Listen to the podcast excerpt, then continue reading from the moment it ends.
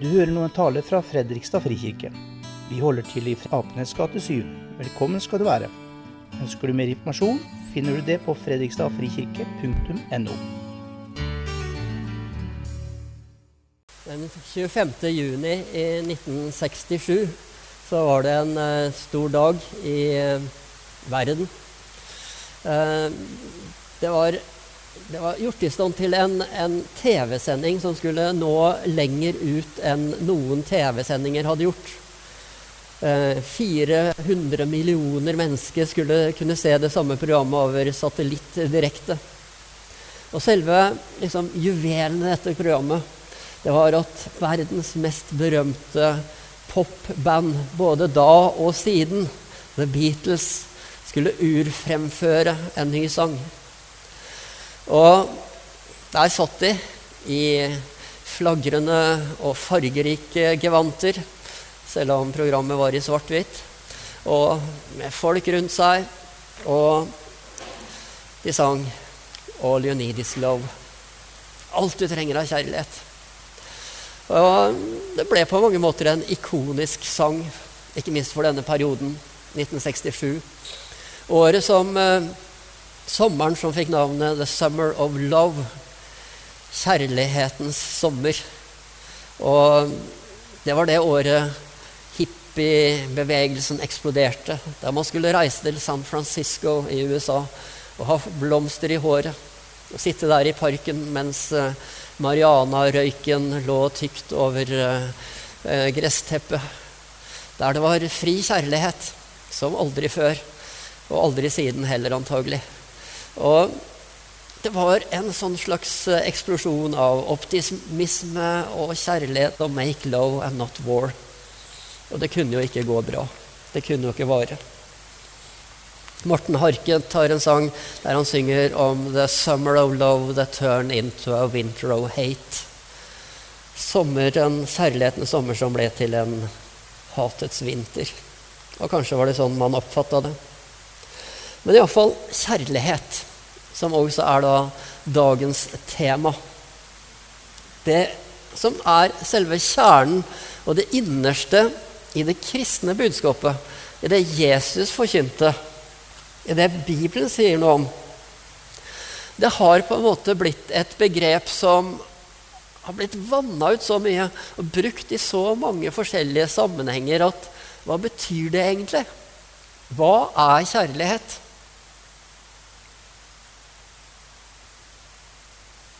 Det er iallfall en ting det er lett å synge om, men som det er vanskelig å leve ut.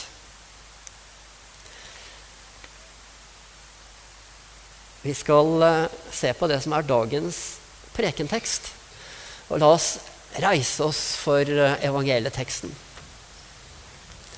Johannes 17, vers 20-26. Jeg ber ikke bare for dem, men også for dem som gjennom deres ord kommer til tro på meg. Må de alle være ett, slik du, far, er i meg og jeg er i deg. Slik skal også de være i oss for at verden skal tro at du har sendt meg. Den herligheten du har gitt meg, har jeg gitt dem for at de skal være ett, slik vi er ett, jeg i dem og du i meg, så de helt og fullt kan være ett. Da skal verden skjønne at du har sendt meg, og at du elsker dem slik som du har elsket meg. Far, du har gitt meg dem, og jeg vil at de skal være der jeg er, så de får se min herlighet, den du har gitt meg, fordi du elsket meg før verdens grunnvoll ble lagt. Rettferdige far, verden kjenner deg ikke, men jeg kjenner deg, og disse vet nå at du har sendt meg. Jeg har gjort ditt navn kjent for dem, og skal fortsatt gjøre det, for at den kjærlighet du har hatt til meg, kan være i dem, og jeg selv kan være i dem. Amen.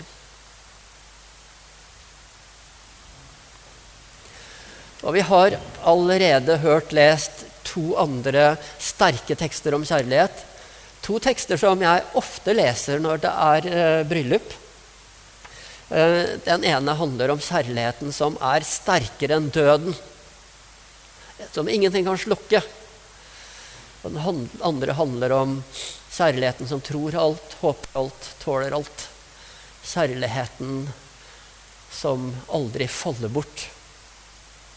Og Hvis vi leser i Bibelen, så vil vi se at det er flere skriftsteder. Og her er det liksom noen litt uh, fort rasket sammen uh, steder hvor dette med kjærlighet er så sentralt.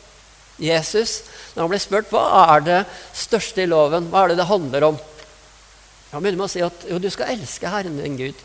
Hele ditt hjerte, all din forstand, all din kraft. Men det er ett som er like stort. Du skal elske din neste som deg selv. På disse to budene hviler hele loven. Paulus, som skriver om akkurat det samme om loven, han sier at den som elsker sin neste, har oppfylt loven. Johannes, Det første Johannes-brevet snakker mye om kjærlighet. Der sier han bl.a.: For dette er det budskapet dere har hørt fra begynnelsen av. Vi skal elske hverandre. Og han sier kjærligheten er fra Gud. Og hver den som elsker, er født av Gud og kjenner Gud. Hver den som elsker, er født av Gud og kjenner Gud. Sterke utsagn. Vi kunne gjerne sitte her da og hatt på oss litt mer flagrete og fargerike gevanter og sunget 'All You Need Is Love'. Og kanskje det var det vi trengte. Eller som vi heller gjør da, å synge at Guds kjærleik er som stranda og som graset. Den er også veldig fin. Så Men jeg tror dette kan også fort bli en erstatning. Altså fra det, fra det virkelige. Vi kan synge om kjærlighet, vi kan snakke om kjærlighet. Vi kan kanskje føle at den svulmer litt inni oss også. Men det kan bli en erstatning for virkeligheten.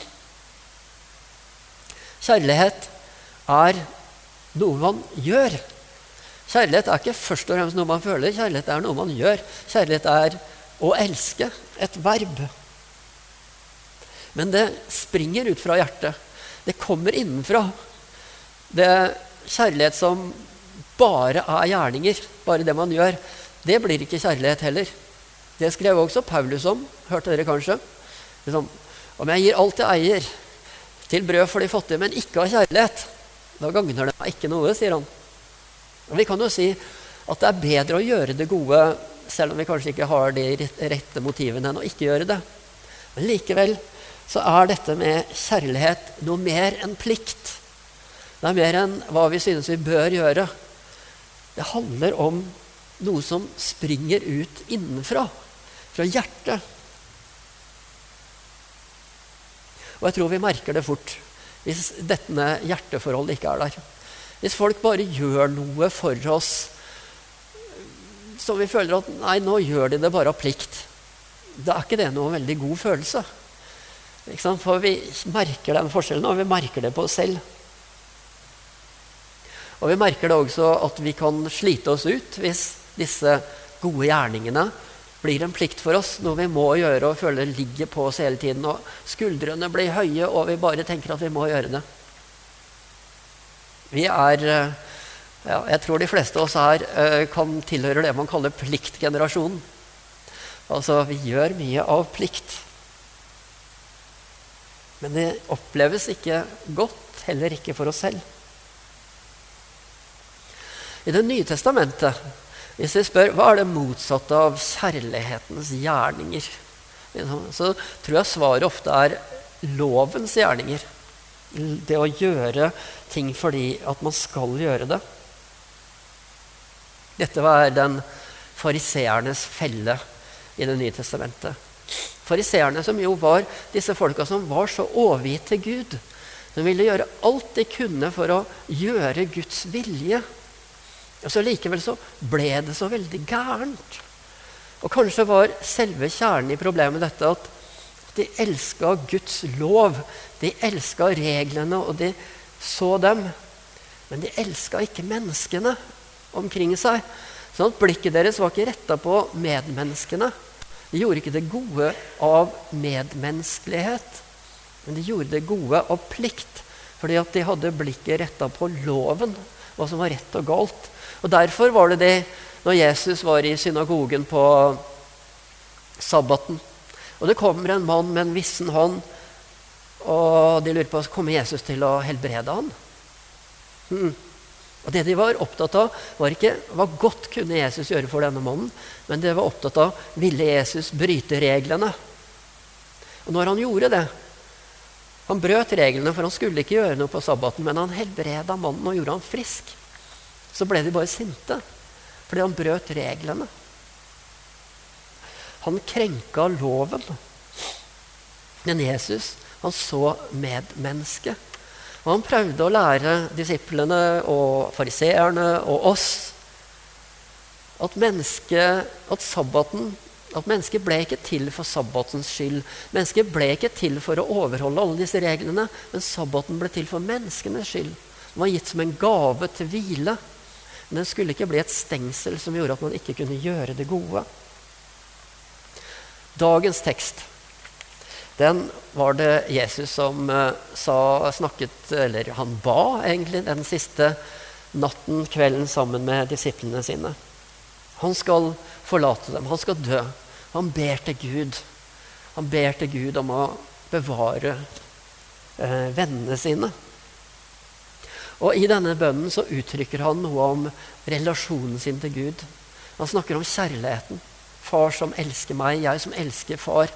Vi som har elsket siden før verdens grunnvoll ble lagt. Gud som er kjærlighet, og som er grunnlaget for det hele. Den indre kjærligheten i Gud. Og det er der vår kjærlighet begynner. Vår kjærlighet begynner ved å få kontakt med Guds kjærlighet. Og la Guds kjærlighet være i oss. Og så er det veldig tydelig i denne teksten her at den viser seg i enhet. Må de alle være ett, for at verden skal tro at du har sendt meg.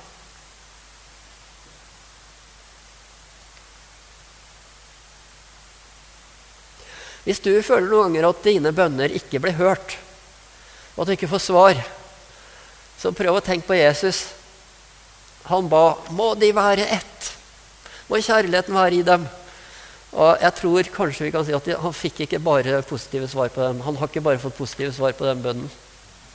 Eh, det har vært mye avvisning, det har vært mye splittelse. Det har vært mye misunnelse. Mye diskriminering. Også innenfor kirken, som vokste fram av Jesu budskap. Men uansett, vi hører sammen. Vi er ett. Vi er søsken, og la oss oppføre oss som søsken. Og så var det jo en populær sang for en del år siden som het 'Vi er søsken, sammen skal vi slåss'. Og det er mange som tenkte at det var jo en litt ironisk tittel. For eh, det var mye slåssing innad i den søskenflokken. Men et menighetsfellesskap. Det er et fellesskap der vi skal bry oss om hverandre. Og der vi skal gjøre det ikke bare med å få en litt varm følelse, men ved å gjøre det i praksis. Eller byen her, Fredrikstad. Her er det mange menigheter. Vi kunne jo tenke at dette er et tegn på Jesu oppsplitta legeme, egentlig. Her er vi baptister og metodister og katolikker og adventister og pinnsvenner og lutheranere og sikkert noe mer òg. Jeg tror ikke det gjør så mye. Men husk at de andre er ikke søskenbarna våre. De er brødrene og søstrene våre like mye. Vi bor kanskje ikke sammen, vi deler ikke det samme huset. Men det er veldig flott når vi kommer sammen, for vi er glad i hverandre. Vi vil hverandre vel. Jeg syns noe av det flotte her i byen, eh, og prøver å, liksom tale varmt om det ofte, er når vi første nyttårsdag hvert år, 1. januar, på Jesu navnedag, kommer sammen i domkirken fra alle de forskjellige kirkene og er uttrykk for denne enheten.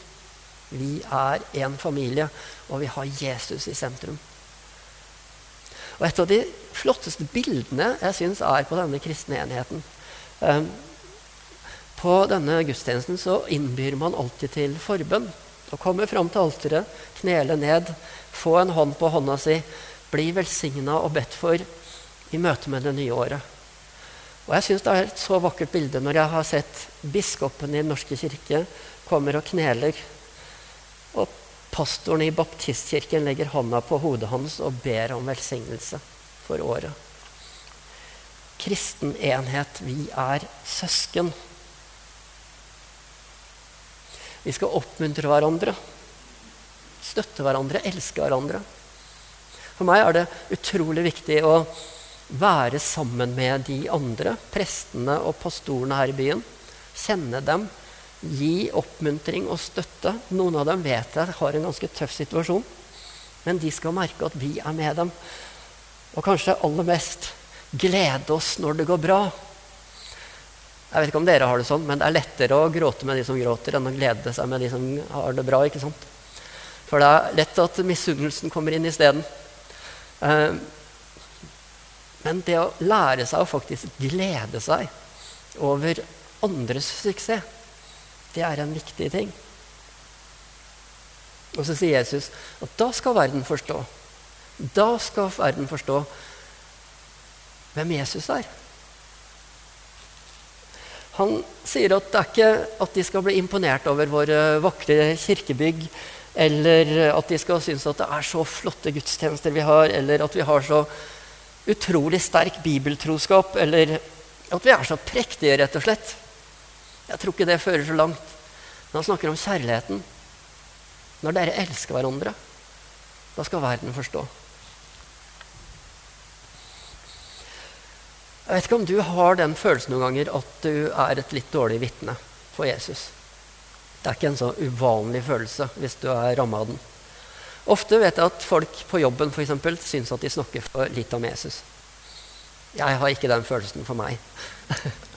Men eh, sant, når du er i en helt vanlig sammenheng, det er ikke så mange som tror der, og, og du tenker jeg burde egentlig være en som sa noe nå, vitna litt. Men det sitter så langt inne. Og jeg har tenkt prøv å skifte fokus. Det kommer ikke noe godt ut av det. Prøv heller å være den som elsker mest på det kontoret eller det fellesskapet du er Det vil si, den som er mest interessert i å lytte når andre vil snakke. Den som er mest interessert i de andres liv. Den som koker kaffe hvis man trenger det. Altså Den som er det mennesket som de andre syns at Du verden, det er fint at du er her. For deg kan jeg prate med. Eller når vi er i familien vår, der vi som søsken ofte kan slåss som det er, eller som ektefeller, eller barn og foreldre, eller hvem det nå er. Eh, tenk på hvordan kan jeg gjøre kjærlighet i familien? Hvordan kan jeg bare gjøre de tingene som liksom lar varmen vokse, få hjertet på plass? Ofte er jo det jo de små tingene.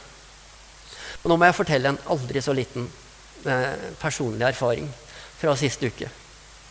Jeg var, eh, som jeg er en gang i året, i England for å se fotball. Og i tillegg så prøver jeg å gjøre disse turene så billig jeg bare kan. Å finne de billigste overnattingsstedene, f.eks., er en sport. Eh, jeg havna denne gangen på et hotell jeg aldri før hadde vært på. The Wellington Hotel. Det høres veldig fint ut. Eh, det var kjempebillig. Og etter hvert så fikk jeg jo litt sånn forståelse av hvorfor det var det. Eh, Når du kommer inn på en sliten pub og du ser at er, jo, vi har noen rom her oppe og kommer inn på rommet, og det er jo så lite, så du har jo aldri sett et så lite hotellrom i ditt liv. Men det er jo en seng der og en kaffekoker, så det er det viktigste. Og og så er det altså, Vasken er tett, ikke sant. Og, men til gjengjeld så er jo ikke vinduet tett, så det går litt opp i opp.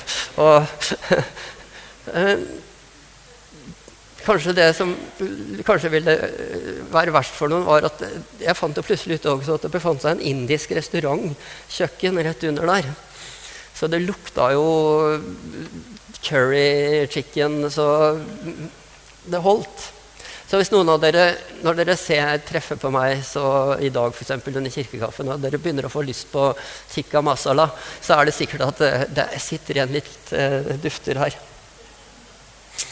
Og jeg satt da i senga, for det var ikke noe stol det var plass til på det rommet, og skrev dagens preken på torsdag.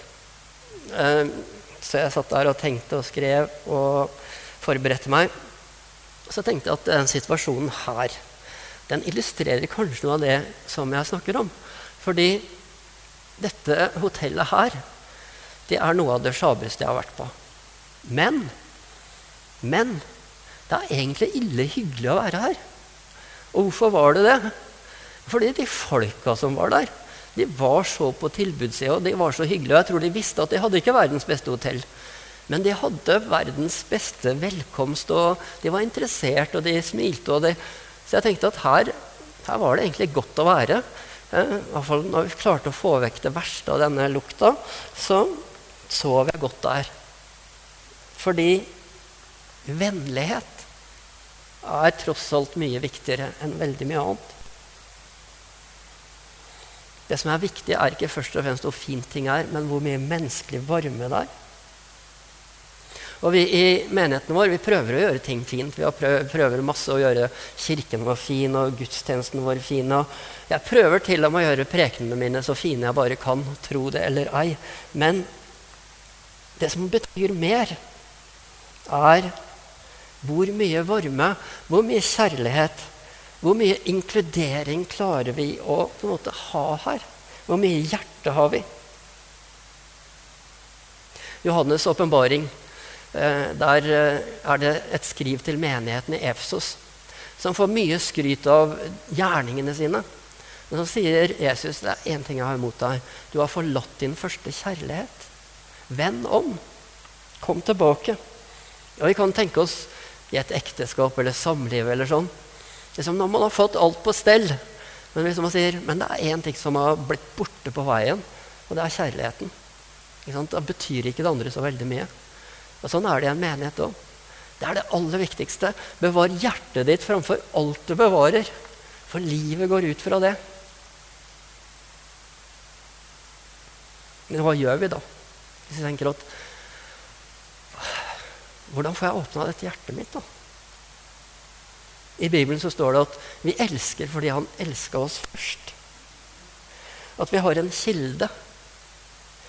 Som hvis vi får det varmt her inne eksempel, via disse eh, varmepumpene, og sånn, altså, så er det fordi at taket her er jo fullt av solcellepaneler. Som, ja, når det er sol, da, så bader vi sol, som gir oss energi, som skaper varme. Kanskje er det et bilde på hvordan vi kan leve. Altså Hvis vi kan leve åpent for Gud, slipper Jesus innpå oss. Og hvordan gjør vi det? Vi kan fylle tankene og se hvem er Jesus? Hvordan elsker han meg? Og ved å fylle oss med det synet, så skjer det kanskje noe i hjertet vårt. At det tiner opp. At vi kjenner det banker igjen. At den kjærligheten som kanskje blir litt borte i alle hverdagene, alt vi gjør, alt vi skal gjøre, at når vi står innenfor Han, så merker vi at kjærligheten kommer tilbake. Og Derfor er det kanskje det aller viktigste vi kan gjøre. Still deg framfor Jesus. Møt ham.